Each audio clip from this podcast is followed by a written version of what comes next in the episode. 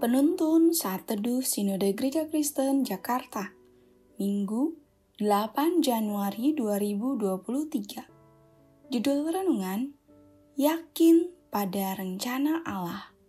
Nats Alkitab terambil di dalam kitab 1 Petrus pasal 1 ayat 1 sampai 2 Dari Petrus, Rasul Yesus Kristus kepada orang-orang pendatang yang tersebar di Pontus, Galatia, Kapadokia, Asia Kecil, dan Bitinia, yaitu orang-orang yang dipilih sesuai dengan rencana Allah Bapa kita, dan yang dikuduskan oleh Roh supaya taat kepada Yesus Kristus dan menerima percikan darahnya.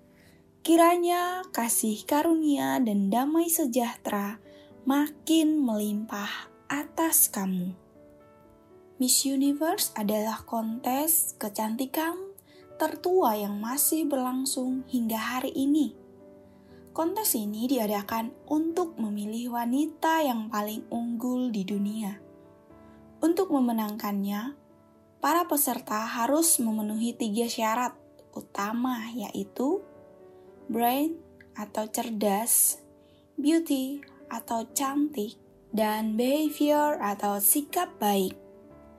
Para peserta wajib melalui serangkaian tes atau ujian. Hanya satu dari 80 orang perwakilan tiap negara yang berhak membawa pulang mahkota Miss Universe. Seperti inilah dunia kita bekerja. Biasanya kita akan memilih yang terbaik berdasarkan kriteria-kriteria tertentu.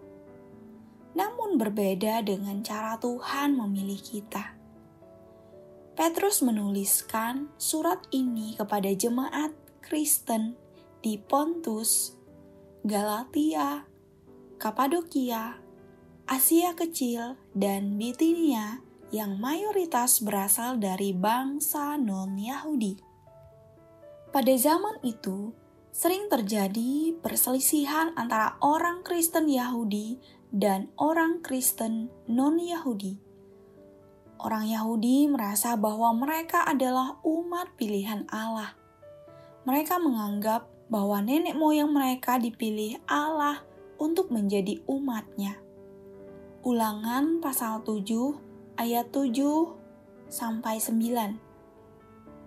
Kemudian muncul ajaran sesat yang mengajarkan bahwa orang-orang non-Yahudi yang ingin menjadi umat pilihan Allah harus melaksanakan tradisi Yahudi, misalnya disunat atau merayakan upacara-upacara keagamaan Yahudi.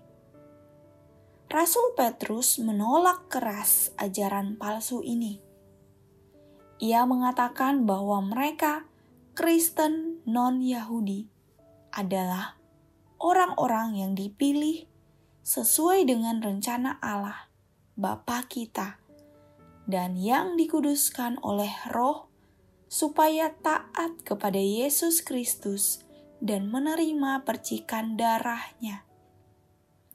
Jadi Allah memilih seseorang menjadi umatnya bukan karena dari keturunan Yahudi atau dengan melakukan tradisi-tradisi Yahudi.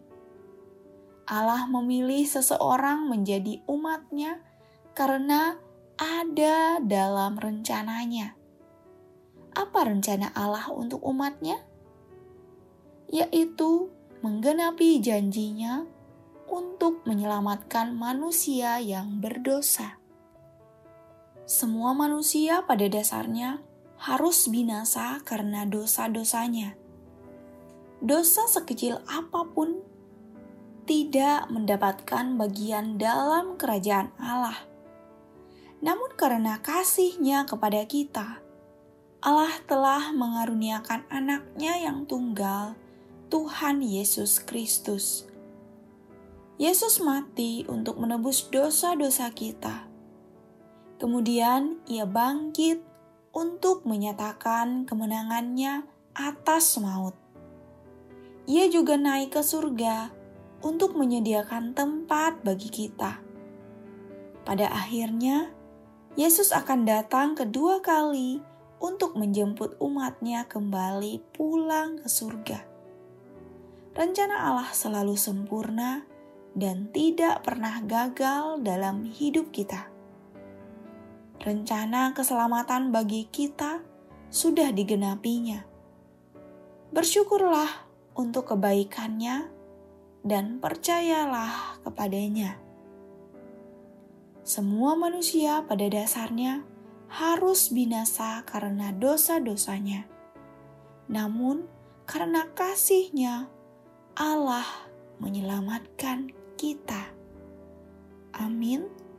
Terima kasih, Tuhan Yesus memberkati.